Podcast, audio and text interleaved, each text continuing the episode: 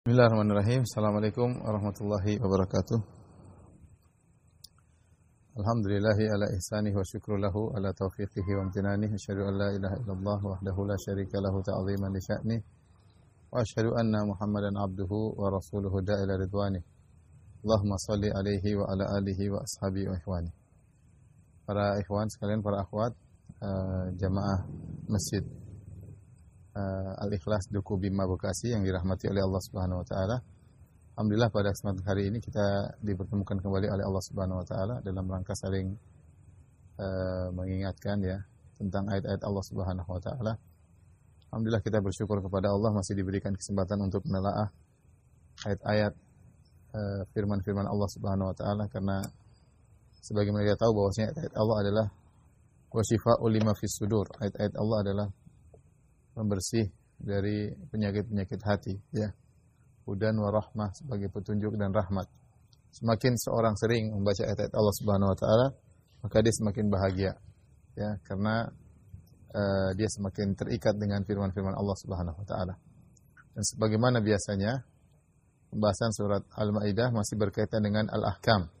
Al-ahkam al-fiqhiyah tentang hukum-hukum fikih. Dan pada kesempatan kali ini kita akan bahas tentang ayat ayatul wudu yaitu ayat tentang fikih wudu. Jadi mau tidak mau kita akan bahas fikih wudu pada kesempatan malam hari ini. Saya bacakan ayatnya surat Al-Maidah ayat 6. Ya ayyuhalladzina amanu idza qumtum ila sholati faghsilu wujuhakum wa aydiyakum ila al-marafiqi wamsahu bi ru'usikum wa arjulakum ila al-ka'bain. Wahai orang yang beriman, jika kalian hendak melaksanakan salat, faksilu wujuhakum. Ya, maka cucilah wajah-wajah kalian. Wa aydiyakum ilal marafiq.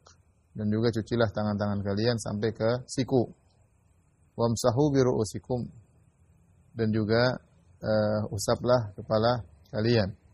Wa arjulakum ilal ka'bain dan cucilah kedua kaki kalian atau kaki-kaki kalian sampai ke dua mata kaki, ya.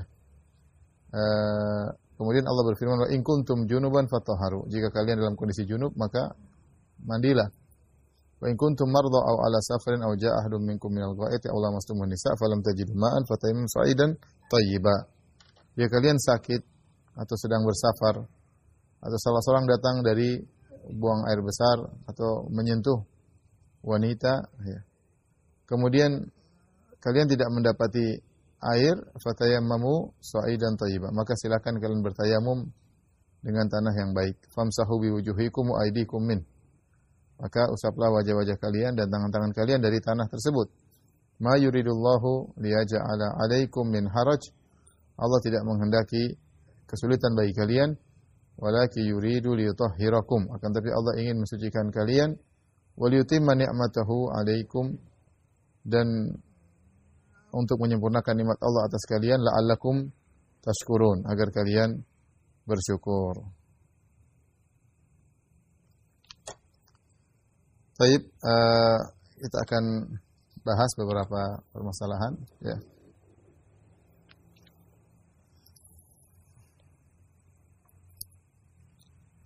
Allah Subhanahu wa taala berfirman, "Ya ayyuhalladzina amanu"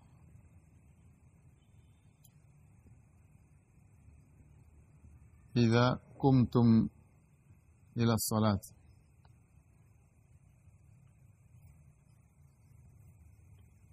فاغسلوا وجوهكم.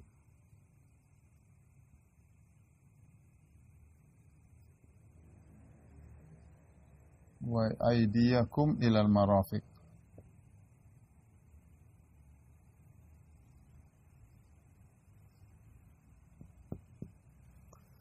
Allah berfirman, wahai orang-orang yang beriman. Wahai orang-orang yang beriman.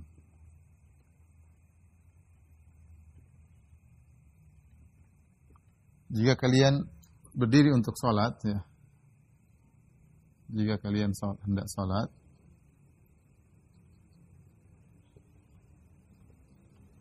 faksilu wujuhakum, basuhlah wajah kalian. Basuhlah wajah-wajah kalian. Kemudian basuhlah tangan-tangan kalian dan tangan-tangan kalian hingga siku. Baik. Sini uh, faedah yang bisa kita ambil pertama Allah buka ayat ini dengan wahai orang-orang yang yang beriman ya. Sehingga ini dalil bahwasanya yang uh, taat kepada Allah untuk berwudu adalah orang-orang beriman. Dan kita tahu bahwasanya wudu memiliki banyak keutamaan ya.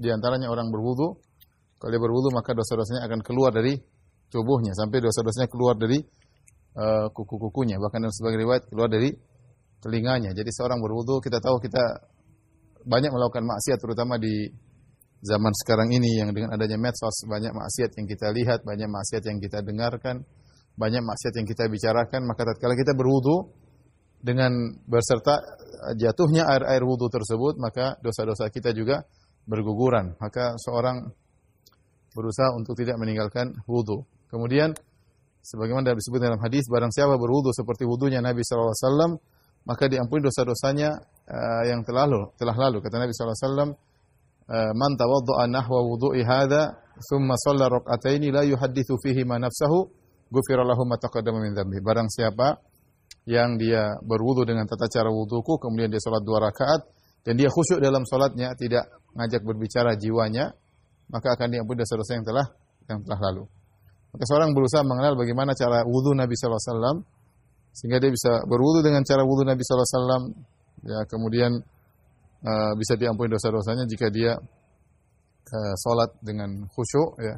Kalaupun dia tidak sholat dengan khusyuk tetap dosa-dosanya diampuni ya karena uh, karena dia berwudu dan dengan turunnya air wudu dari tubuhnya maka turun pula dosa-dosanya. Uh, Wahai orang yang beriman, idza kumtum ila salat. Qama yakumu kumtum kalau kita artikan ya secara lafal, jika diartikan secara lafal, secara tekstual, ya. Idza kumtum ila salat, idza kumtum ila salat. Yaitu jika kalian jika kalian telah berdiri telah berdiri untuk salat. Karena kumtum di sini adalah fi'il madhi. Jika kumtum ini fi'il madhi, jadi telah berdiri. Maka kalau kita artikan secara bahasa Indonesia, wahai orang beriman, jika kalian telah berdiri untuk sholat, maka berwudulah. Ya enggak mungkin, harusnya wudu sebelum berdiri sholat. Wudu sebelum berdiri sholat. Makanya, idha kumtum, jika kalian telah berdiri, ini ditakwil oleh para ulama, ditakwil dengan idha aratum Idza aradtumus salat. Idza aradtumus salat. Yaitu kalau kalian hendak salat. Artinya jika kalian hendak salat. Ini di antara contoh takwil yang boleh ya. Karena tidak mungkin kita artikan secara zahirnya. Ini orang mengatakan ini uslub dalam bahasa Arab. Metode bahasa Arab ya. Ini sama seperti fa idza qara'tal Qur'ana fasta'iz billah. Jika kalian baca Quran maka beristiazah kepada Allah. Istiazah ketika baca Quran atau sebelum baca Quran? Sebelum. Tapi kata Allah jika kalian telah baca Quran maka beristiazahlah. Maka itu ditakwil idza qara'tal Quran. Ya, maksudnya adalah jika kalian mau baca Al-Qur'an, ya. Ini dalil tentang jika kalian tidak sholat, ini dalil bahwasanya dalil bahwa niat itu wajib ya. Niat wajib untuk wudhu. Ya. Jadi kalau seorang hendak e, berwudhu dia harus punya niat, niat untuk wudhu. Ini ada khilaf di kalangan para ulama. Tiga mazhab yaitu mazhab Syafi'i, mazhab Hambali dan mazhab Maliki mengatakan bahwasanya niat untuk berwudhu itu wajib. Maksudnya dia dia ber, dia berwudhu itu niat untuk sholat ya, wajib. Tetapi kalau madhab Hanafi mengatakan tidak disyaratkan seorang berniat. Pokoknya dia wudhu selesai. Kalau sudah tercuci, terbasuh anggota wudhu yang Allah sebutkan Al-Quran, mau dia niat tidak niat tetap sah. Namun pendapat itu salah, ya. Karena di sini Allah mengatakan wahai orang beriman jika kalian hendak salat maka berwudulah. Berarti ada niat wudu untuk apa? Untuk salat. Ya. Ada niat wudu untuk salat sama seperti Allah nanti dalam ayat dalam akhir ayat wa in kuntum junuban fatahharu. Jika kalian dalam kondisi junub maka bersucilah. Maka mandilah. Berarti mandi itu untuk apa? Menghilangkan apa? Junub.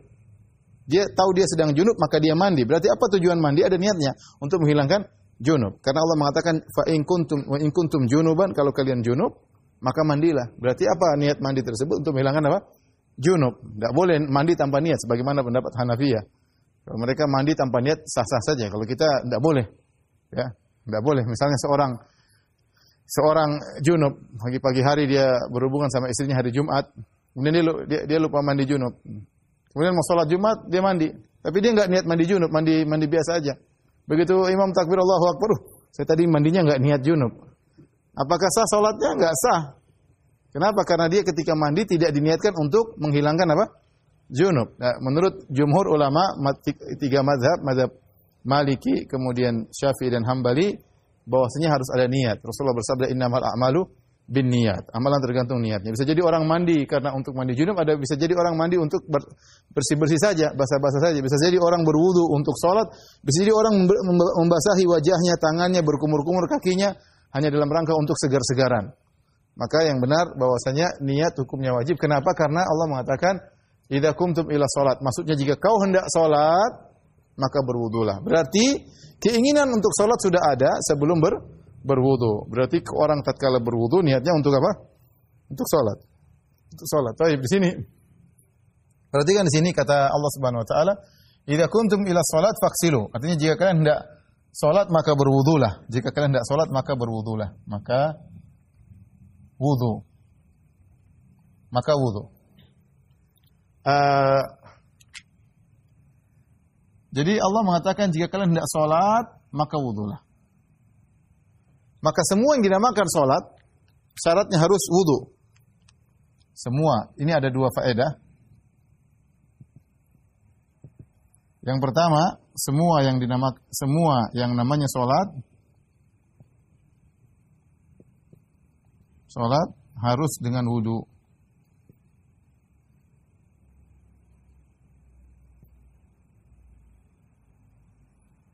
Dalam hadis kata Nabi sallallahu alaihi wasallam, "La yaqbalullahu salat ahadikum idza ahdatha hatta yatawadda." Tidaklah Allah menerima salat salah seorang dari kalian jika dia berhadas sampai dia berwudu. Berarti semua salat harus ada wudunya. Salat banyak macamnya. Berarti ada salat wajib, salat lima waktu. Berapa? Salat jenazah, ya. ya. Semuanya salat salat sunnah, Salat-salat sunnah semuanya dikerjakan harus dengan wudhu, harus dengan wudhu. Barang siapa yang salat tidak tanpa wudhu maka salatnya tidak tidak sah. La yaqbalullah salat ahadikum idza ahdatha hatta yatawadda. Allah tidak menerima salat salat seorang salat salat dari salah seorang kalian jika dia dalam kondisi berhadas sampai dia berwudu. Ini faedah yang pertama. Adapun misalnya sujud tilawah itu kan bukan salat. Apakah wudu atau tidak ada khilaf. Ada yang mengatakan harus berwudu, ada yang mengatakan tidak karena dia bukan salat sujud tilawah, sujud syukur, apakah harus berwudu? Yang roji tidak harus, karena dia bukan sholat. Ya, dalil menunjukkan bahwasanya apa? Dia adalah sholat. Sementara yang Allah wajibkan wudu cuma apa? Sholat ya. Sujud saja tidak dikatakan sebagai sholat. Ya, ada khilaf di kalangan para ulama, tapi intinya yang benar tidak tidak wajib untuk wudu. Ya, tidak wajib untuk. Karena yang wajib untuk wudu adalah yang sholat. Mau sholat fardu, mau sholat sunnah, mau sholat fardu kifayah, mau sholat apa pun, harus dengan wudu. Faedah yang kedua, ini ada khilaf juga. Ya. Uh, para ulama, sebagian ulama mengatakan uh, ulama berpendapat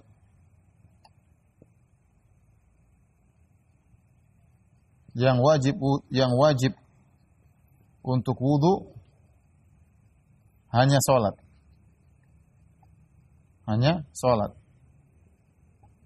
Selain itu sunnah.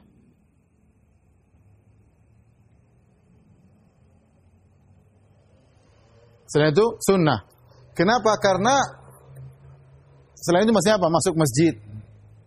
Apakah wajib wudhu? Jawabannya tidak. Mau etikaf? Apakah wajib wudhu? Tidak. Dia sholat atau bukan? Etikaf sholat atau bukan? Bukan. Masuk masjid salat atau bukan? Bukan. Baca Quran salat atau bukan?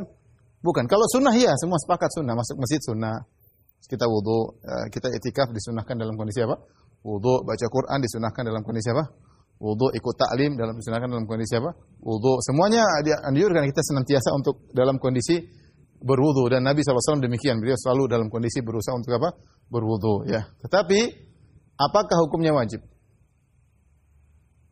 apakah hukumnya wajib kalau selain sholat seperti tadi baca Quran apakah wajib berwudhu ini ada khilaf ulama yang panjang dalam masalah ini terlebih lagi masalah tawaf apakah tawaf wajib wudhu ini khilaf lagi yang panjang tetapi Berdasarkan ayat ini karena Allah mengatakan jika kalian hendak salat maka berwudulah. Ya. Allah tidak mengatakan uh, apa namanya? Uh, berwudulah untuk salat. Ya. Kalau berwudulah untuk salat, wudu bisa yang lainnya. Kalau Allah mengatakan berwudulah untuk salat, bisa jadi wudu untuk baca ini, wudu untuk iktikaf. Tapi Allah membatasi salat. Kalau kalian hendak salat, berwudulah. Berarti wudu ini berkaitan cuma dengan apa? Salat. Saya, saya ulangi sisi pendalilannya. Allah tidak mengatakan berwudulah kalian untuk sholat. Karena kalau bilang berwudulah untuk sholat, mungkin bisa untuk yang lainnya. Berwudu untuk ini, berwudu ini. Tapi Allah mengatakan jika kalian tidak sholat, maka berwudulah. Maka wudu ini hanya berkaitan dengan apa? Sholat.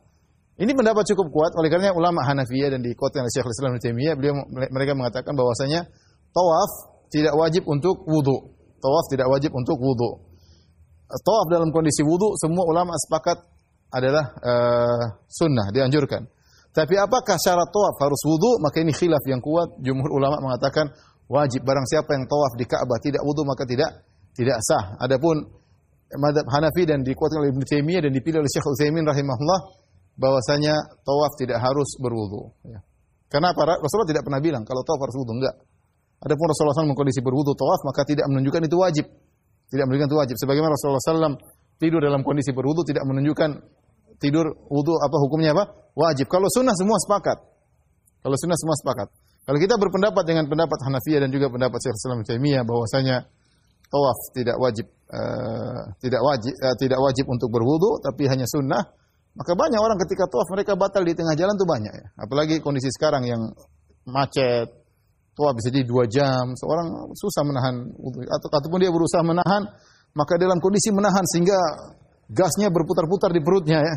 Dua jam bertahan begitu selesai, oh, alhamdulillah langsung lepas semuanya lega ya.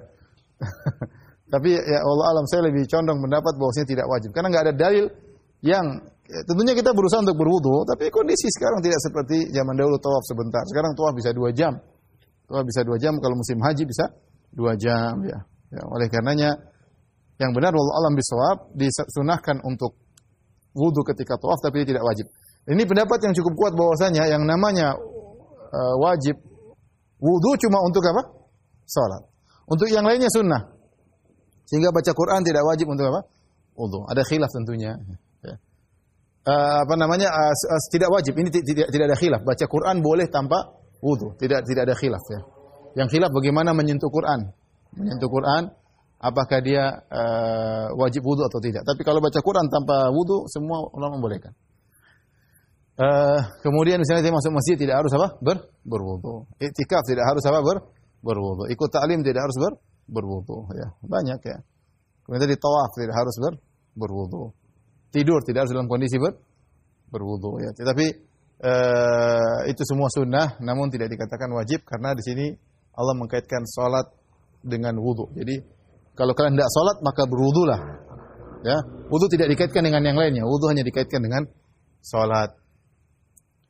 Taib. Uh, timbul pertanyaan, masalah berikutnya, permasalahan.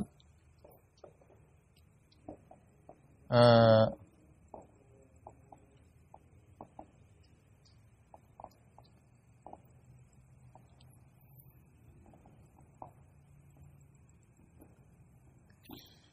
masalah bukan masalah ya permasalahan kalau bahasa kita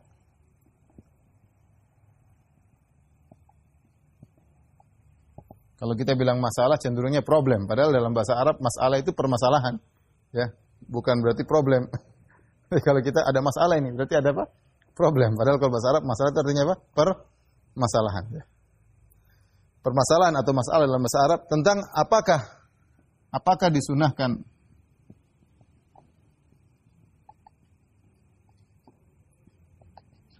Mengulangi mengulangi wudhu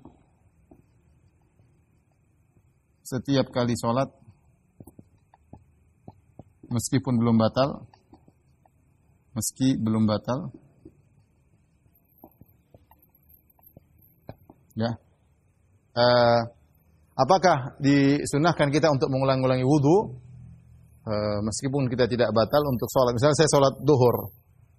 Kemudian saya di masjid saya baca Quran sampai tiba sholat asar saya tidak batal.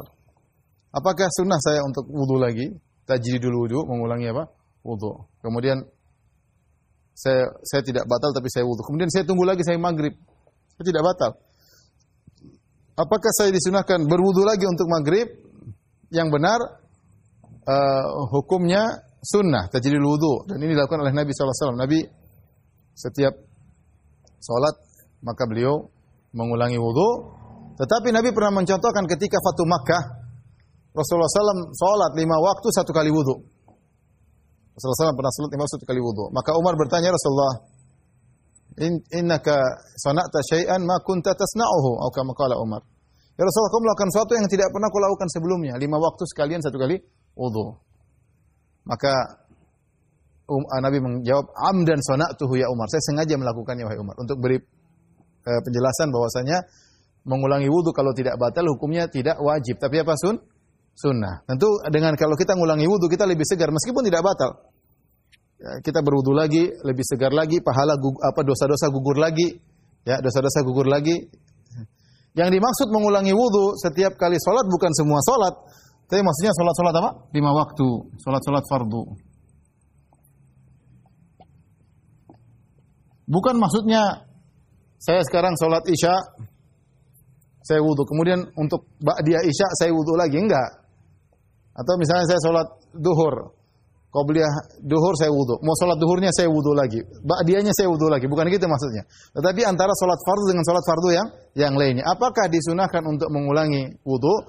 Maka yang jawabannya adalah sunnah antara sholat fardu yang satu dengan fardu yang lain. Sunnah dan tidak wajib. Kenapa? Karena Nabi pernah mencontohkan ketika Fatu Makkah Rasulullah sengaja untuk uh, apa namanya lima sholat langsung Rasulullah SAW berwudu sekali wudu untuk lima kali waktu sholat untuk menunjukkan bahwasanya hal ini tidaklah uh, tidaklah wajib. Taib kita bahas berikutnya ikhwan yang dirahmati Allah Subhanahu wa taala. Faksilu wujuhakum. Cucilah wajah kalian. Faksilu wujuhakum. Basuhlah kalau bahasa kita basuhlah. Apa yang dimaksud dengan al-ghuslu? Apa yang dimaksud dengan al-ghuslu? Basuh. Basuh itu apa basuh? Ada khilaf di kalangan para ulama tentang makna basuh. Jumhur ulama, jumhur cukup menjalankan air menjalankan air di anggota wudhu tersebut. tanpa harus tanpa harus tadlik, harus gosok dengan tangan. Tidak harus. Adapun Malikiyah, mazhab Malikiyah ya harus tadlik, harus dalak, ma'ad dalak. Dalak itu artinya tadi e, gosok. Gosok dengan tangan.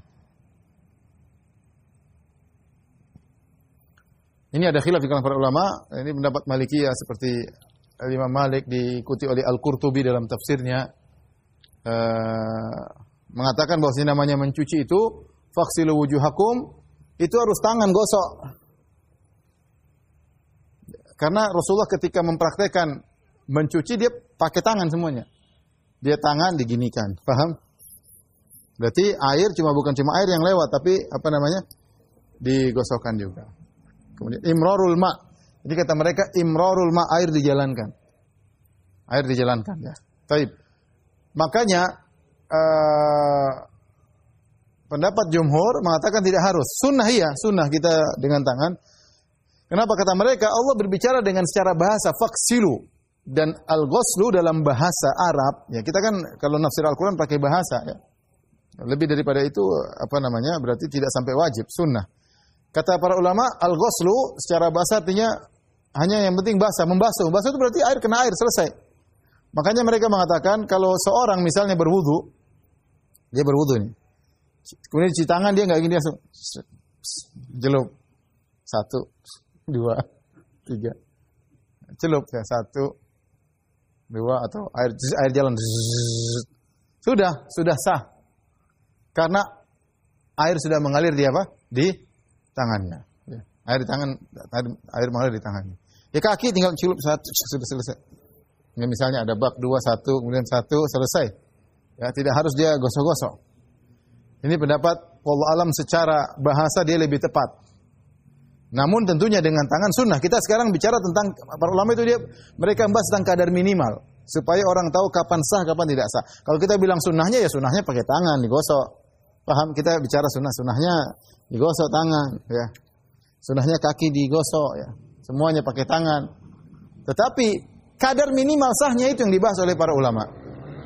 Apakah dengan hanya misalnya kita apa nyalain keran ter, mungkin duduk sudah tua capek tinggal ter, kena semua sah jawabannya sah menurut jumhur ulama jawabannya sah, sah menurut jumhur ulama ya. jadi tinggal kaki di ini sudah selesai ya Adapun Malikiyah maka harus dengan dalak. Dalak itu digosok, harus dengan di, digosok. Tentunya semua sepakat menggosok itu hukumnya sunnah, tetapi yang kita bicarakan bukan masalah sunnahnya. Kadar minimal dikatakan wajib. Paham? Jadi yang benar pendapat jumhur karena lebih pas dengan secara bahasa. Namanya membasuh itu tidak harus gosok. Tidak harus apa? Gosok orang kalau mandi kemudian sudah dikatakan dia membasuh badannya enggak? Sudah selesai. Secara bahasa kena dia. Kalau ada pun dia gosok-gosok, katanya lebih bagus. Lebih bagus ya. Apalagi yang gosok istrinya ya. Baik. Uh, faksilu wujuhakum. Cucilah. Jadi yang benar namanya basuh itu tidak harus uh, digosok. Ya, yang, yang berikutnya saya ingatkan, sebagian orang ketika berwudu musim haji, mungkin dia tidak bawa air, dia hanya semprot spray misalnya apa yang ya, itu nggak benar, benar karena harus ada air yang ber, berjalan. Caranya gimana? Airnya ditumpahin baru dia jalankan. Ada pun cuma semprot, nah itu tidak ada air yang mengalir di apa? Kalau berdasarkan per, uh, definisi daripada al-ghusl yaitu imrarul ma ala udhu min a'dha'il wudu, menjalankan air di anggota wudu tersebut. Adapun cuma semprot saja tidak. Jadi kalau kita nyelupkan air jelas mengalir kalau nyelup. Kalau cuma semprot gitu, dia cuma nempel apa namanya? tidak berjalan air tersebut. Paham? Jadi kalau mau misalnya kita dalam kondisi tawaf, dalam kondisi padat, kita nggak punya air, jadi kita airnya kita bawa di aqua baru kita tumpahin, baru kita jalanin airnya. Jadi kalau begitu tidak jadi masalah. Baik. Selanjutkan wujuhakum basuhlah wajah kalian. Apa yang dimaksud dengan wajah? Wajah nih ya. Apa yang dimaksud dengan wajah? Uh, karena Rasulullah SAW, jadi dalam kaidah usul fikih, dalam kaidah usul fikih, kalau ada uh, sesuatu definisi, maka kita harus bawa kepada definisi secara istilahi syar'i setelah syariat. Kalau ternyata syariat tidak menjelaskan, maka kita kembali kepada al-urf, kepada urf. Kalau urf tidak menjelaskan, kita kembali kepada bahasa. Kepada bahasa itu itu dalam uh, dalam usul fikih. Contoh kalau salat, salat apa? Salat secara bahasa artinya doa. Tapi secara syar'i bukan doa. Salat itu secara syar'i adalah gerakan yang dibuka dengan takbiratul ihram dengan gerakan-gerakan khusus dan ditutupi dengan diakhiri dengan apa? Assalamualaikum warahmatullahi wabarakatuh. Jangan seorang bilang ah doa kan artinya ingat atau doa apa salat artinya doa. Ya sudah saya cukup berdoa, saya sudah salat. Eh nanti jangan bicara ini syar'inya ada. Sama al-hajju al-hajju artinya al-qasdu. Menuju. Menuju apa? Menuju Baitullah. Bukan sekedar menuju, eh, hati saya sudah menuju ke Ka'bah berarti saya sudah haji. Enggak. Ya, ada ada istilah syar'inya. Soal apa haji itu apa, umrah itu apa. Selama ada istilah syar'i, maka tidak boleh kita bawa kepada makna bahasa atau makna uh, urfi, makna tradisi ya. Tidak boleh. Tetapi kalau tidak ada tidak ada pembahasan syar'i, nah, Rasulullah tidak pernah menjelaskan secara syariat, mau tidak mau kita kembali kepada tradisi urf, definisi secara urf atau secara bahasa. Contoh wajah. Wajah Rasulullah SAW tidak pernah menjelaskan. Namanya wajah untuk diwudhu ini tuh dari sini sampai sini Rasulullah tidak pernah menjelaskan. Karena Rasulullah tidak pernah menjelaskan, maka definisi wajah secara syar'i tidak ada. Maka dengan demikian para ulama kembalikan kepada urf. Al-waju adalah ma yatawajjah bihil insan. Wajah itu suatu orang yang berhadapan dengannya. Jadi kalau kita di di di, di apa namanya? di kaca cermin kita lihat wajah kita itulah wajah yang terlihat berhadapan dengan kita. Ini wajah atau bukan? Bukan nggak kelihatan ya, nggak kelihatan paham? Ini nggak kelihatan, ini nggak kelihatan, ini nggak kelihatan, ini nggak kelihatan, ini nggak kelihatan. Ini depan ini yang kelihatan wajah. Ini bukan kepala, ini namanya ini bukan wajah, namanya apa? Kepala. Tapi wajah oleh karenanya para ulama mengatakan namanya wajah adalah dimulai dari ya mereka kembali secara bahasa wajah adalah dimulai dari tempat awal tumbuhnya rambut orang normal ya saya masih normal insya Allah dari sini kalau yang sudah botak tengah nggak bisa jadi patokan. Ini wajahnya dari sini enggak ya dia rambut sudah nggak ada. Karena kata apa namanya namanya wajah dari tempat tumbuh rambut di bagian kepala inilah wajah. Kalau masih normal berarti kita tahu ini wajah. Di atas ini bukan lagi ini kepala. Paham? Kepala. Wajah dari sini dari bekas awal rambut. Lalu kalau orang sudah botak tengah berarti bukan jadi patokan. Kira-kira dulu rambutnya kalau tumbuh sampai mana ya situlah wajahnya. Ini sampai sini. Ya. Itu yang uh, pertama. Kemudian tulan yaitu secara vertikal dari sini sampai sini. Ini nih, di belakang sini sudah bukan wajah. Paham? Ini karena bukan tidak berhadapan lagi di belakang sini. Tapi sampai sini. Ini namanya apa? Wajah dari sini sampai sini. Secara vertikal. Secara horizontal, ya, lebar dari sini. Sini sampai sini. Nah, maka dari situ ada khilaf. Adapun orang yang punya ini namanya al-idhar dalam bahasa Arab. Apa bahasa Indonesia? Jam, cambang ya, jambang. Ya.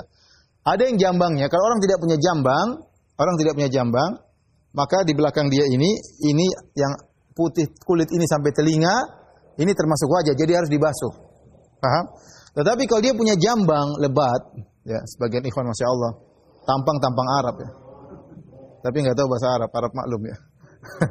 jadi apa namanya jambangnya panjang di sini. Nah, apakah wajah cuma sampai di situ? Karena belakangnya udah nggak kelihatan, tertutup dengan apa? Jambang. Ini namanya ini. Jadi antara jambang dengan telinga. Antara jambang telinga ada apa? Ada kulit di sini. Apakah termasuk wajah atau tidak? Ada khilaf di kalangan para ulama. Kalau orang yang nggak punya jambang seperti saya, ya ini termasuk wajah. Tapi kalau orang jambangnya lebat di sini, lebat, apakah ini termasuk atau bukan? Karena kalau dari lihat di cermin nggak kelihatan. Maka ada khilaf di kalangan para ulama yang lebih hati-hati kita basuh juga. Yang lebih hati kita basuh juga. Adapun di atas jambang ini bukan wajah, rambut setelah jambang ini kan sampai sini namanya suduk. Di sini sudah tidak bukan wajah lagi, itu bagian dari kepala. Taib. Jadi itulah wajah. Seorang tahu bagaimana dia membasuh wajahnya, maka dari sini sampai sini, ya, kemudian dari sini sampai sini, ya. Maka dia berusaha membasuh dengan dengan baik ya. Jangan sampai ada sedikit pun yang ter, uh, terluput daripada air. Maka dia basuh, ya. Faksilu wujuhakum dia basuh. Terserah mau begini ke atas yang yang mudah dari atas ke bawah tentunya. Atau mau dari kanan dulu terus kiri terserah ya. Allah tidak menjelaskan bagaimana caranya, maka kalau Allah mutlakan kita mutlakan ya. Kita melakukan. Tapi biasanya orang yang mudahnya ya begini, terus kemudian diputar begini biasa. Tapi itu terserah. Ada orang mau dari bawah ke atas ya terserah ya. Kita juga eh sunahnya dari enggak ada, itu enggak ada jelas. Allah tidak jelasin, Rasulullah juga tidak jelasin. Ya sudah, pokoknya wajah kita terkena apa? Air. Jadi, cet, kemudian kita bahin semua Ya, sampai sini ya, satu. Ambil air baru lagi, kemudian basahin lagi, semua di sini. Ya, nggak usah diangkat kepala, enggak, sampai sini aja sampai tempat tumbuh apa? Rambut ya. Dua. Terus yang ketiga juga selesai begitu. Ya, tiga. Taib. Itu wajah. Ya. Uh, masalah berikutnya, bagaimana jenggot? Kalau orang tidak punya jenggot seperti saya, ya, ya ada tapi nggak kelihatan. Maka dibasuh ini kan ini termasuk dari apa? Wajah. Tetapi kalau jenggotnya lebat, misalnya sampai di sini jenggotnya lebat, Apakah dia harus takhlil masukkan jari-jarinya di sela-sela di bawah jenggot? Eh, sebagian ulama mengatakan semua hadis yang datang datang bahwasanya Nabi menyela-nyelakan jarinya di jenggot semuanya dhaif. Seperti dikatakan oleh Imam Ahmad, dikatakan juga oleh Ibn Abi Hatim dan juga dikatakan oleh uh, Ibn Abdul Bar ya. Yang mereka mengatakan semua hadis-hadis yang datang Nabi SAW. Sebenarnya ada yang menghasankan zaman sekarang, tapi saya dalam masalah ini saya lebih cocok kepada para ulama mutakaddimin. Para ulama dahulu, mereka lebih paham tentang ilmu hadis. Sehingga mereka mengatakan semua hadis yang berkaitan dengan Rasulullah menyela-nyelain, maka hadisnya dhaif, maka tidak dikatakan wajib. Kalau ada yang mau nyela-nyela, kita bilang silahkan sunnah. Jadi ingin membasahi apa bagian kulitnya. Tapi kalau tidak cuma dia bagian wajah terus selesai, karena jenggotnya lebat menutupi dagunya maka sudah cukup. Maka sudah sudah cukup ya. Maka sudah cukup, tidak harus dia sela-sela wallahu alam bisawab. Yang mau nyela-nyela silakan. Ini pendapat sebagian fuqaha dari sela-sela uh, karena ada hadis tadi meskipun dhaif dan secara logika ini kan bisa disela-sela maka sela-sela aja. Tapi kalau mengatakan wajib susah. Untuk mengatakan wajib harus disela-sela wallahu alam bisawab. Tapi demikianlah uh, permasalahan tersebut. Uh, jadi tinggal kemudian tidak harus jenggotnya dibasahin karena wajah cuma sampai sini, paham? Kalau jenggotnya sampai sini berarti semua dibasahin enggak? Enggak. Cuma sampai sini aja cukup. Paham? Karena Allah tidak tidak jenggot ya, yang, yang apa namanya? Eh, sini. Sama. Orang kalau ke, kepala kan wajah cuma sampai sini, jenggot bukan wajah, paham? Jadi yang cukup sampai sini. Sudah selesai. Sampai sini jenggotnya sudah selesai. Tidak perlu kemudian dia apa namanya? basahin lagi. Satu, dua, tiga, nggak perlu. Nah, sama. Sama misalnya rambut juga. Ustaz, kalau rambutnya sampai di pantat gimana, Ustaz? Panjang terus, enggak harus. Sampai di kepala, kadang disuruh apa? Kepala, bukan rambutnya, tapi apa? Kepalanya. Kebetulan ada rambut yang menutup, maka cuma sampai di kepala. Taib, uh, tadi berkaitan dengan apa? Dengan wajah. Ya. Berkaitan dengan wajah ya, dan diusap sebanyak tiga kali. Ada permasalahan berkaitan dengan wajah, ya. berkaitan misalnya masalah uh, matmadah, al.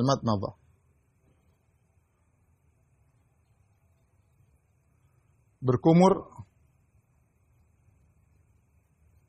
dan al berkumur-kumur menghirup menghirup udara, menghirup air ke hidung.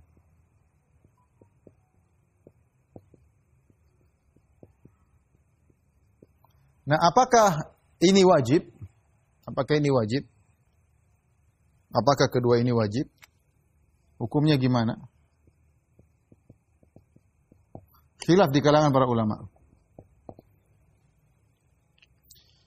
Jumhur ulama, jumhur ulama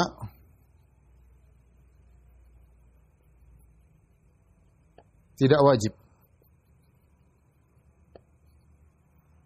Mazhab Hambali Imam Ahmad Hambali hukumnya wajib. Hukumnya wajib. Bagi yang mengatakan hukumnya wajib, dalilnya jelas. Rasulullah SAW dalam banyak hadis mengatakan falyastansyik. Maka kalau berwudu maka hiruplah air dalam hidung kemudian keluarkan. Ya, kemudian juga dalam hadis kata Nabi SAW, idza tawadda'ta famadnit jika engkau berwudu maka berkumur-kumurlah maka berkumur-kumurlah ya. Kemudian juga uh, Rasulullah SAW ketika berwudu selalu selalu berkumur-kumur dan selalu menghirup air di di hidung. Ya. Sehingga Imam Ahmad berdalil kemudian kumur-kumur dan hidung termasuk bagian daripada wajah. Kan wajah. Jadi ini mentafsir memperinci wajah yang dimaksud Kata menurut madhab hambali. Oleh karenanya berkumur-kumur menghirup air di hidung hukumnya wajib.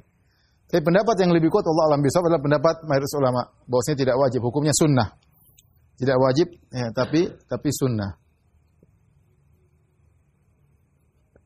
Apa dalilnya? Dalilnya banyak. Pertama, e, namanya wajah. Tadi saya, saya sudah sebutkan. Karena Rasulullah SAW ketika berwudu, dia berwudu yang wajib dan juga yang sunnah. Nah kita para ulama membedakan mana yang wajibnya, mana yang sunnahnya. Kalau berkumur-kumur dan beristinjak semua sepakat sunnah, tapi apakah sampai pada derajat wajib itu yang khilaf.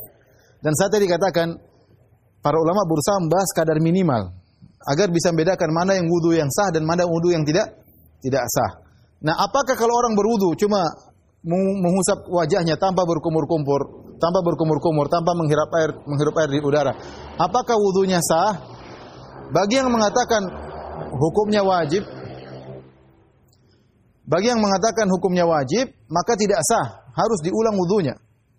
Karena dia meninggalkan kewajiban, karena dia tidak sempurna membasuh wajahnya. Di antara membasuh wajah adalah dengan berkumur-kumur. Bagi yang mengatakan bahwasanya uh, tidak wajib, maka sah, karena dia hanya meninggalkan yang yang sunnah. Saya lebih condong pada pendapat ini, pendapat jumhur ulama, madhab syafi'i, madhab maliki, dan madhab hanafi. Uh, kenapa? Karena Allah menyebutkan faksilu wujuhakum. Allah menyebutkan wajah dan wajah semua orang dengar tahu nama wajah umayyu tawajjahu bihi yaitu suatu yang orang dengannya berhadap-hadapan, bukan bagian dalam, ya tidak. Mulut ini kan bukan wajah bagian dalam. Ya. Memang dia di kepala, di muka, tapi dia bagian dalam. Hidung juga bagian apa? Dalam. Mata juga bagian apa? Dalam ya. Kalau orang wujud tutup mata gini. Ya. Bukan kemudian bagian dalamnya harus di, dicuci. Jadi, Allah alam bisawab yang lebih uh, lebih kuat adalah pendapat jumhur ulama. Kemudian yang kedua, tidak ada dari para sahabat dan tabi'in yang mengatakan bahwasanya uh, istinsyak dan berkumur-kumur hukumnya wajib. Ya. Tidak ada uh, apa namanya? Datang dalam riwayat Ibnu Abbas Ibnu mengatakan kalau bukan saya berkumur-kumur karena ada sisa kotoran di sisa makanan di mulut maka saya berkumur-kumur, bukan karena itu wajib ya. Jadi uh, tidak didapatkan riwayat dari sahabat pun tabi'in yang memandang bahwasanya berkumur-kumur dan menghirup air di hidung hukumnya wajib ya. Jadi yang benar hukumnya sunnah. Tentunya kita kalau berwudu kita berkumur-kumur dan apa? Istinsyak. Tapi kita bicara secara hukum.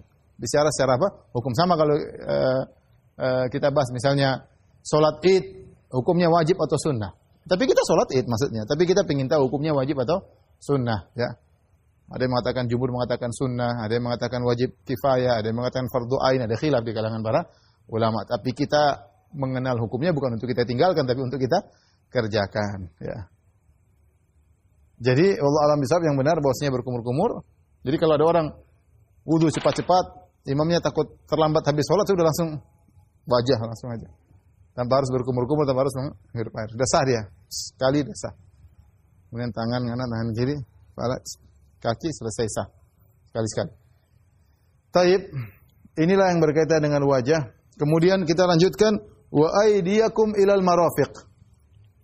Dan cucilah tangan kalian sampai ke siku. Tangan ya. Ya. Sampai siku. Uh, pertanyaannya, ini khilaf di kalangan apakah siku siku wajib Apakah siku termasuk yang wajib dibasuh? Siku wajib dibasuh. Jadi Allah mengatakan, basuhlah tangan kalian sampai ke siku. Nah, sampainya ini sikunya ikut kena atau batas terakhir? Paham? Misalnya mengatakan, berjalanlah engkau dari depan rumahmu sampai masjid. Apa masuk masjid? Maksudnya sampai depan pintu masjid atau sampai masuk masjid? Sampai di sini masih ambigu ya. Kalau saya mengatakan berjalan engkau dari depan rumahmu sampai masjid. Kalau saya bilang sampai depan masjid selesai. Saya bilang berjalan engkau sampai masjid. Nah, timbul pertanyaan, saya sampai masjid ini maksud saya jalan sampai saya masuk masjid atau sampai pas di perbatasan masjid. Sama seperti ini kira-kira. Basuhlah tangan kalian sampai ke siku. Maksudnya siku ini masuk atau tidak? Masuk sampai itu sampai masuk atau tidak? Itu ada khilaf di kalangan ulama. Tapi pendapat empat mazhab Memang ada khilaf. Pendapat empat mazhab yang yang muktamad, pendapat mazhab Maliki, Hambali, Syafi'i dan uh, Hanafi bahwasanya uh, siku ini ikut harus di, di dibasuh, harus dibasuh. Dalilnya apa? Dalilnya kata mereka dalam hadis. Dalam hadis Rasulullah SAW eh, karena idza tawaddaa adaral ma ala mirfaqaihi. Adalah Nabi SAW kalau berwudu, beliau memutarkan air di di sikunya. Jadi sikunya dibasahin. Yang pertama. Yang kedua juga dalam hadis Abu Hurairah, ya. Eh, Faghasala yadayhi hatta syar'a fil adud, hatta asra'a fil adud. Adalah Nabi SAW kalau beliau berwudu, beliau berwudu tangannya sampai beliau mulai naik di lengan atas, berarti mulai naik. Berarti siku apa i? ikut kena. Ini dijadikan dalil empat mazhab bahwasanya uh, ketika seorang berwudu sikunya harus kena kena air. Adapun bagaimananya apakah dari atas ke bawah, dari bawah ke atas ya serah, nggak ada masalah. Oh kalau berwudu harus dari atas ke bawah, nggak ada dalilnya. Dari atas ini juga boleh, nggak apa. Dari atas dari atas ke bawah, dari bawah ke atas terserah. Dari jari ke siku, dari siku ke jari terserah. Allah mau telakan, maka tidak boleh kita bilang sunnahnya harusnya begini. Nah, sebagian orang terkadang boleh bilang, oh cara wudhu yang benar harusnya dari sini ke sini. Enggak. Ya, maksud Allah yang penting tanganmu apa? Allah hanya membicarakan batasan. Yang penting dari tangan sampai ke mana? Tangan sampai ke siku. Mau dari sini ke bawah, sini ke sini, tengah dulu baru bawah, baru atas terserah. Yang penting tanganmu basah semua kena kena air. Itu maksudnya ya. Wa aydiyakum ilal marafiqi ya. Baik, uh, lanjutkan setelah itu Allah berfirman uh, wujuhakum wa aydiyakum ilal marafiq. Ingat ya, jadi tangan dari awal sini ya. Dari awal. Bukan dari sini, bukan dari pergelangan sampai ke siku. Tapi dari ujung jari sampai ke mana? Siku. Ini saya perlu ingatkan. Kenapa? Karena kita kita wudhu pertama kita cuci tangan itu sunnah. Mukaddimah. Jangan sebagian orang mengatakan saya sudah cuci tangan, nanti yang bagian wudhu saya tinggal lanjutkan dari pergelangan. Salah, itu salah. Jadi yang pertama itu cuma mukaddimah harus diulang lagi dari ujung jari sampai ke ke siku. Karena sebagian orang dia pikir ya tangannya sudah. Berarti sisanya tinggal pergelangan sampai ke siku dan itu salah. Berarti wudhunya tidak sah. Tapi harus dari awal lagi dari awal dari uh, ujung sampai ke dari ujung jari sampai ke siku. Baik. Uh, kemudian kata Allah Subhanahu wa taala waksilu wujuhakum wa aydiyakum marafiq wamsahu bi ru'usikum. Allah Subhanahu wa taala wamsahu bi ru'usikum wa ar julakum ilal ka'bain.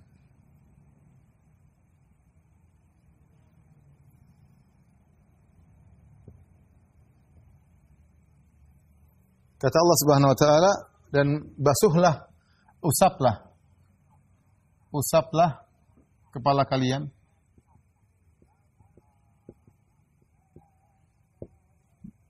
dan cucilah kedua kalian basuhlah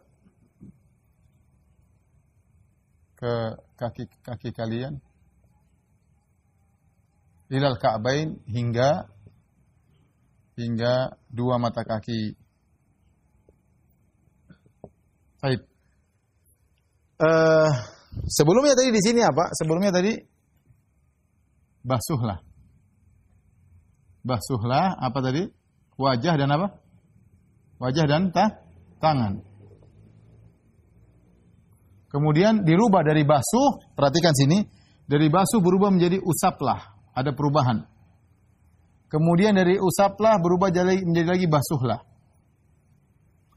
Ya, perhatikan. Ada perubahan dari basuhlah, basuhlah cuci maksudnya, cucilah. Usaplah beda, usap beda dengan basuh beda. Ya. Uh, kenapa ada perubahan dari basuh menjadi usap menjadi basuh? Kenapa Allah tidak kumpulkan basuh semua baru usap belakangan. Kan lebih mudah. Basuhlah wajah kalian, basuhlah tangan kalian, basuhlah kaki kalian, baru terakhir usaplah palamu. Ya, paham? Tapi kenapa di tengah-tengah di sela-sela wajah dibasuh, tangan dibasuh, setelah itu kepala diusap, kaki dibasuh lagi.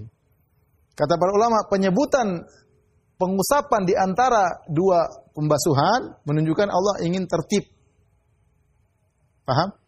Faedah? Faedahnya apa?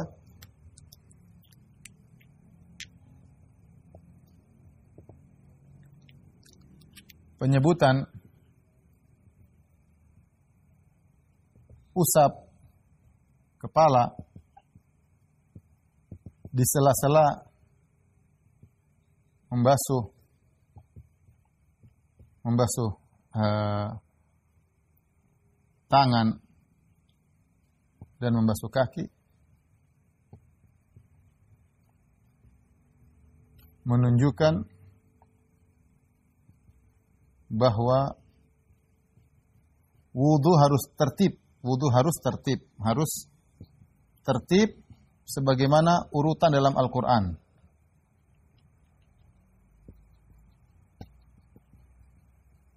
Urutannya jelas. Harus wajah dulu kan dalam Al-Quran cuma empat disebutin.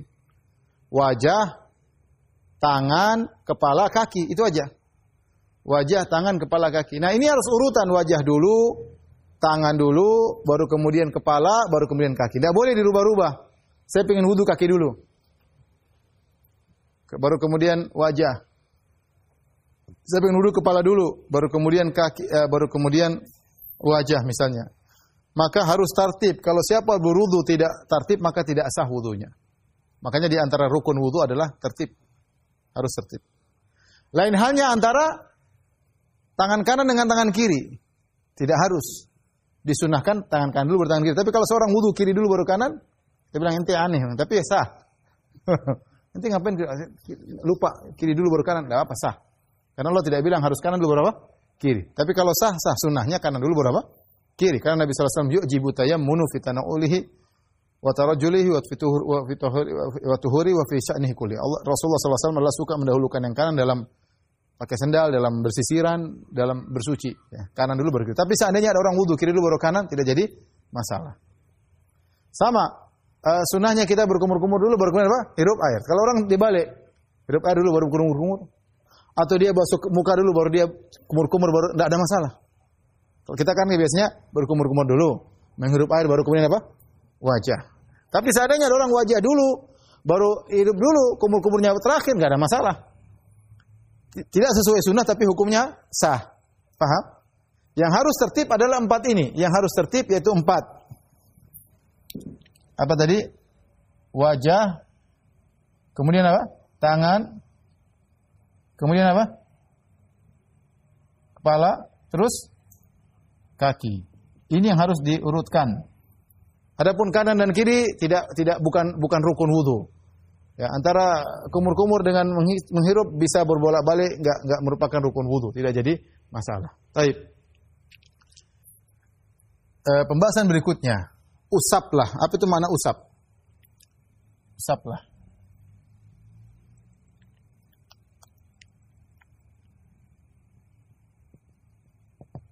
Usap maksudnya kita hanya membasahi tangan kita bukan bawa air. Beda dengan cuci. Kalau cuci memang kita harus uh, kalau cuci kita harus ambil air semua kena. Apa bedanya usap dengan cuci? Bedanya usap dengan cuci. Usap yang penting tangan basah. Jadi usap itu apa? Nah, coba bedanya? Uh, coba kita komparasi. Usap dengan apa? Basuh. Apa bedanya? Usap yang penting tangan apa basah. Tangan basah untuk mengusap kepala, basah. Justru kata para ulama kalau orang ambil air kemudian dia cuci bahkan tidak sah wudunya. Karena dia melanggar perintah. Perintah suruhnya apa? Usap bukan cuci. Dia tiga ah, itu salah.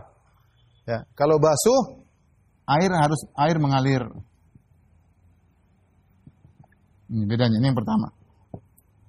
Yang kedua, uh, kepala cukup sekali. Sunnahnya apa? Sekali. Sunnahnya sekali. Beda dengan pendapat Syafi'i. Pendapat Syafi'i mengatakan tiga kali. Tapi sunnahnya dalam semua hadis Rasulullah mengusap cuma apa? Sekali. Hadis-hadis yang sahih. Cuma sekali. Adapun basuh disunahkan tiga kali.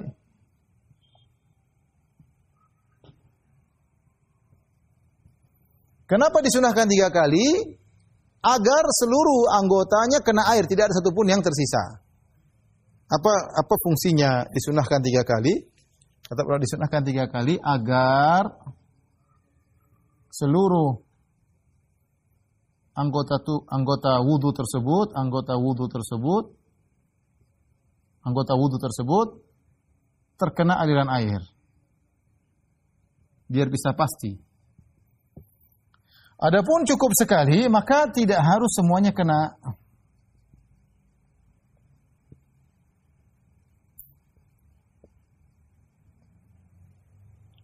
Kita kalau wudhu misalnya apa namanya kepala kan, satu kepala kita kan berwudhu. Sunnahnya itu sunnah Nabi begini. Bada abi muqaddami ra'sihi.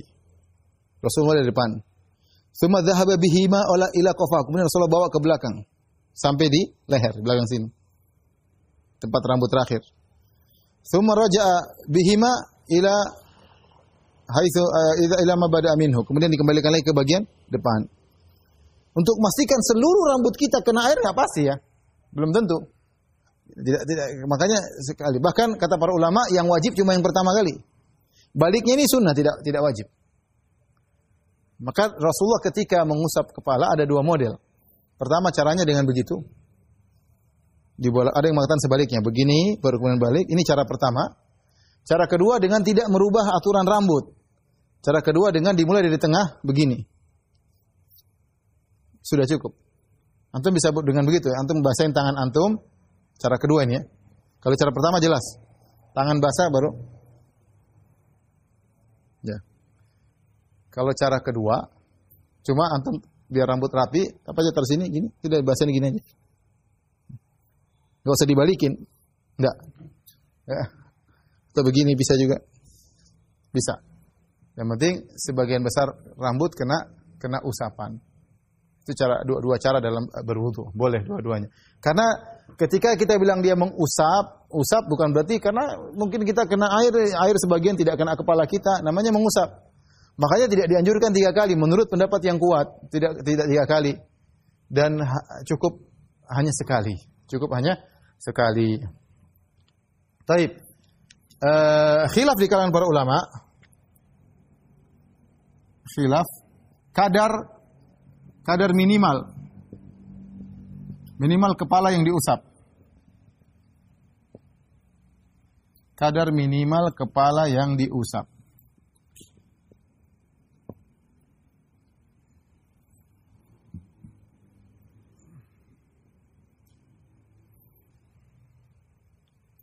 Ada khilaf di kalangan para para ulama. Sudah habis waktu ya. Kita selesaikanlah. Kawan-kawan di Zoom sabar ya khilaf ulama pendapat pertama seluruh kepala, jami' ras. Yang diusap seluruh bagian kepala. Ini adalah pendapat Malikiyah dan Hanabila. Yang kedua adalah seperempat kepala. Ini adalah pendapat Hanafiyah. Pendapat yang ketiga, ya, yang penting kena kena kepala, meskipun sedikit. Kena kepala, meski sedikit. Meskipun cuma tiga rambut misalnya. Meskipun cuma tiga rambut. Ini madhab syafi'iyah. Saya ingatkan, ini mereka khilaf dalam kadar minimal. Namun mereka sepakat bahwasanya mengenai seluruh kepala sunnah. Perhatikan ya. Ini khilaf tentang kadar minimal. Namun seluruh namun seluruh madhab sepakat bahwa mencontohi Nabi Nabi dengan seluruh dengan mengusap seluruh kepalanya itu lebih afdol. Kepalanya adalah afdol. Kenapa saya ingin menyampaikan ini? Jangan sampai disangka justru afdolnya cuma sebagian. Yang dibahas adalah kadar minimal yang diperselisihkan. Oleh karena kalau antum baca misalnya buku Madhab Syafi'iyah disebutkan sunnah-sunnahnya mereka sebutkan sunnah wudhu kepalanya sampai full sunnahnya. Atau ada kadar minimal tiga rambut sudah cukup. Ya. Nah, maksud saya kalau para dai mengajarkan, dia mengajarkan dua-duanya. Dia mengajarkan ini kalau sunnah uh, yang kadar minimal menurut madhab syafi'i seperti ini sudah sah. Tapi sunnahnya seperti ini. Ya. Yang jadi masalah kalau sebagian dai hanya mengajarkan yang kadar minimalnya. Sehingga yang sunnah tidak dikerjakan. Begitu orang-orang wudhu kok semua begini. Jadi dia merasa aneh. Harusnya dai mengajarkan dua-duanya ini kadar minimal seperti ini sudah sah, tapi kalau kau mau sunnah Nabi seperti ini, hadisnya seperti ini jelas. Karena ini perkara yang disepakati sama seperti berkumur-kumur hirup udara. Sunnahnya jelas. Imam Syafi'i juga mengatakan sunnah. Tapi ketika Imam Syafi'i mengatakan kadar minimal, maka berkumur-kumur dan menghirup air tidak wajib. Paham? Tidak wajib. Nah kita sebagai dai mengajarkan dua-duanya terserah sang mad'u untuk sang audiens memilih mana. Dia terkadang sesekali kadar minimal, terkadang dia ingin yang sesuai dengan sunnah, Ya, jadi jangan sampai gara-gara kita ngajarkan kadar minimal sampai yang sunnah akhirnya dianggap aneh oleh masyarakat loh. Kok wudhunya begitu? Kok wudhunya begitu? Muhammadiyah ini. Enggak, enggak, enggak ada ini.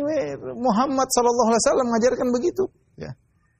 Jadi eh, jangan sampai salah kaprah. Jadi benar ada kadar minimal dan madhab syafi'i seperti misalnya madhab syafi'i uh, cukup tiga helai rambut sudah sah. Ya sudah kita hormati itu pendapat.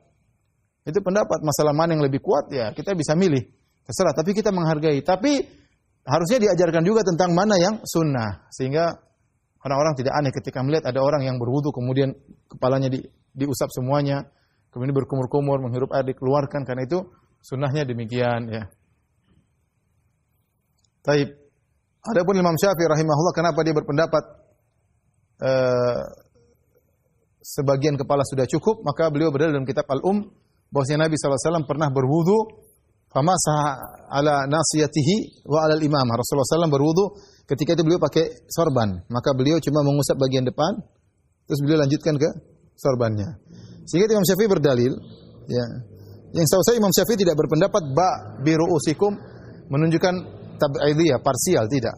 Tapi sebagian lama memandang Imam Syafi'i mengatakan ba di situ menunjukkan sebagian itu tidak dalam bahasa Arab. Yang saya tahu beliau berpendapat dalam kitab Allah alam kita perlu cek kembali. Beliau mengatakan kenapa boleh sebagian kepala karena Rasulullah pernah berwudu, jadi beliau berdalil dengan sunnah. Rasulullah berwudu dengan cukup mengusap apa? Sebagian uh, ubun-ubun beliau ya, dan tidak mengusap seluruhnya. Tapi dibantah oleh para ulama itu karena udur Rasulullah pakai sedang pakai imamah, makanya Rasulullah SAW mengusap kemudian dilanjutkan mengusap imamah yang sisanya. Tapi ini masalah khilafiyah. Intinya intinya alam bisawab bahwasanya seorang berusaha mengusap seluruhnya meskipun atau paling tidak maksimal kepala. Maksimal apa? Kepala. Karena namanya usap memang tidak bisa kena seluruhnya. Beda dengan beda dengan e, basuh. Kalau basuh memang semua harus kena. Kalau usap tidak. Yang penting antum sudah apa namanya uh, maksimal kepala sudah cukup. Bukan jangan sampai antum lagi berwudu. Tapi di sini belum kena, belum kena. Oh, kena. Sebelah sini belum kena. Enggak harus begitu, enggak harus. Pokoknya sudah maksimal kepala sudah selesai. Mungkin ada bagian terlepas itu enggak ada masalah, ya. Karena itulah konsekuensi dari usapan. Beda dengan membasuh. Membasuh semuanya harus basah. Harus kena seluruhnya. Paham ya? Baik, yang terakhir wa arjulakum ilal ka'bain hendaknya kalian membasuh kaki sampai ke dua mata kaki. Kedua mata kaki Antum tahu kedua mata kaki yang di samping ya, tulang samping yang itu antara kaki dengan apa? Dengan siku. Ya, kalau kaki begini sebelah sini ya, namanya. Ya. Bukan yang di sini, paham? Orang Syiah memandang namanya mata kaki yang ini. Orang Syiah mengatakan ini kaki, mata kaki. Ada tulang yang naik di sini. Yang benar mata kaki itu ini. Makanya Allah mengatakan ilal ka'bain. Ilal Ka'bain yaitu ini, dua mata kaki. Makanya kalau Rasulullah salat al-ka'bil ka'ab, mata kaki dengan mata kaki. Ya, berarti kan di sini. Yang bisa nempel mata kaki. Kalau mata kakinya di sini, nanti begini. Jadi uh, mata kaki di situ maka kalau kita berwudu maka mata kaki harus kena juga sebagaimana tadi masalah siku ya, sampai kedua mata mata kakinya harus di dibasuh juga harus di dibasuh juga. Dalam sebagian kiroah ada wa arjulikum, wa arjulikum. Arjulikum itu kalau kita artikan dia atofnya kepada usaplah wa hamsahu bi ru'usikum wa arjulikum. Seakan-akan maknanya usaplah kepalamu dan usaplah kakimu dan Syiah berdalil dengan qiraah wa arjulikum. Namun dibantah oleh para ulama, Nabi maksudnya di sini dibawakan kepada jika seorang uh, pakai khuf, kalau dia pakai khuf maka dia cukup usap bagian atas. Dia usap bagian apa? atas ya. Kemudian dari yang berikutnya bahwasanya jadi orang Syiah mereka kalau mereka berwudu mereka cuma begitu aja. Antum lihat di Anda dulu sering lihat di Madinah. Kalau mereka berwudu mereka kaki terbuka. Mereka cuma begini aja. Sudah. Coba diulang. Jadi kalau kita pakai sepatu, kita boleh berwudu begitu, cuma usap begini, ini basahin begini. Kalau kaki terbuka nggak boleh, kaki terbuka harus dicuci. Mereka orang Syiah kaki terbuka begini doang. Tidak sah. Tidak sah. Karena ada kiroat wa arjulakum jelas basuhlah. Beda antara usap dengan membasuh. Kemudian dalil yang lain Rasulullah SAW dalam Sahih Bukhari dan yang lainnya Rasulullah SAW pernah melihat sahabat dia berwudu kemudian bagian tumitnya tidak terkena wudu. Maka Nabi berkata, "Wailun al aqabi minan nar." Celaka tumit-tumit yang tidak terkena air wudu terkena ancaman neraka. Nah, kalau namanya usap di atas sudah cukup. Berarti kalau hanya mengusap jelas di bawah tidak kena, paham? Ternyata orang yang wudhunya sudah basah, bukan cuma ngusap. Sahabat yang wudhunya dengan membasahi, membasuhi, ternyata bagian bawahnya karena buru-buru tidak terkena air, Rasulullah ancam dengan neraka. Kata Rasulullah, "Wail aqabi minan nar." Celaka tumit dari neraka. Berarti namanya wudhu harus kena apa? Seluruhnya. Harus kena seluruhnya. Taib, uh, kita lanjutkan sedikit lagi. Terakhir kesimpulan tentang rukun wudhu, ya, tentang rukun wudhu. Ya, rukun wudhu ada enam rukun-rukun wudhu ya ada enam. Enam. Ada enam. Ya. Yang pertama adalah membasuh e, membasuh apa? Membasuh muka. Yang kedua membasuh tangan. Sebagian dalam Al-Quran. Yang ketiga e, mengusap kepala. Yang keempat adalah membasuh kedua kaki, membasuh kaki. Yang ketiga, tertib, harus tertib tadi. Yang kelima, tertib. Yang keenam, al-muwalat. Al-muwalat maksudnya berkesinambungan. Ini saya belum membahas.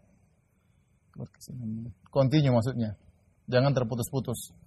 Jadi al-muwalat maksudnya langsung. dalilnya apa? Dalilnya Rasulullah SAW pernah melihat seorang sholat, kemudian uh, Rasulullah melihat seorang kakinya uh, qadru uh, seukuran kuku tidak terkena air. Rasulullah suruh dia mengulangi apa? Udunya. Ya, jadi apa maksudnya mualat? Mualat itu maksudnya dalam cuaca yang wajar, seorang berwudu, dia harus lanjutkan pada anggota selanjutnya sebelum sebelum anggota sebelumnya kering. Contoh begini, saya cuci tangan, misalnya saya pertama kali wajah. Baik. Terus tiba-tiba ada telepon. Saya angkat. Oh iya iya iya. Satu menit, kemudian saya tutup telepon. Saya boleh nggak lanjutkan ke dua tangan? Boleh, selama di wajah belum kering. Tapi kalau saya telepon sampai setengah jam, eh tadi saya baru kepala wajah, lanjut nggak boleh karena sudah kering itu namanya tidak mualat, tidak berkesinambungan. Maka harus ulang dari awal.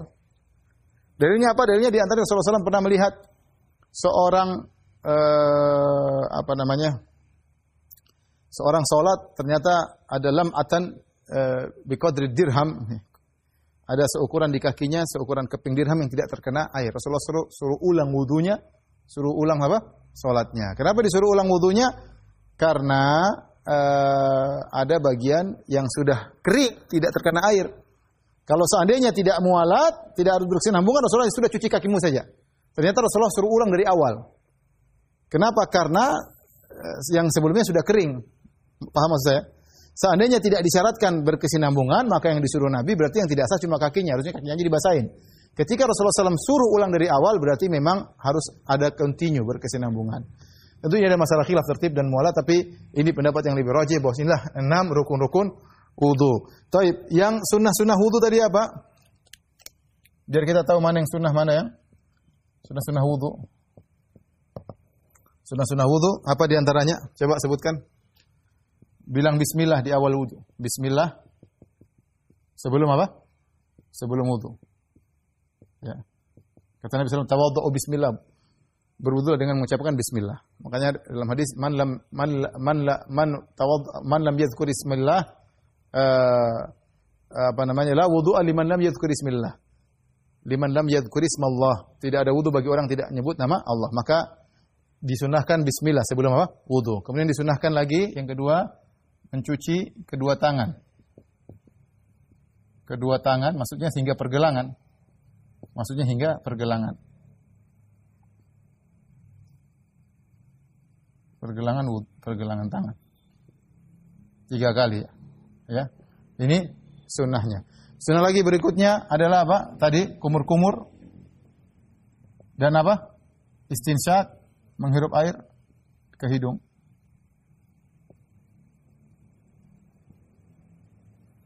Apalagi tadi sunnah? Berwudu tiga-tiga kali. Berwudu tiga kali. Ya. Uh, yang wajib sekali. Apalagi yang sunnah? uh, menggosok ya, menggosok.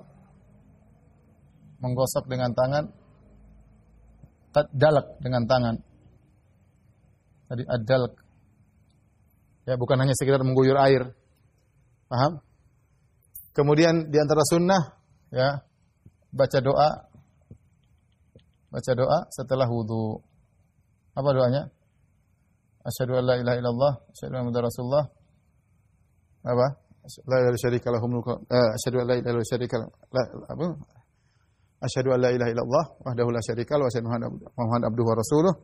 Allahumma ja'alni minat tawabin wa ja'alni minal mutatahhirin.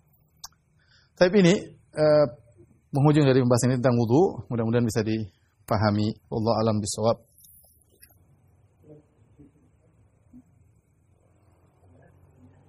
Uh, demikian saja uh, kajian kita pada kesempatan kali ini. Kurang lebih saya mohon maaf kepada para jamaah Masjid Al-Ikhlas Duku uh, Bima Bekasi.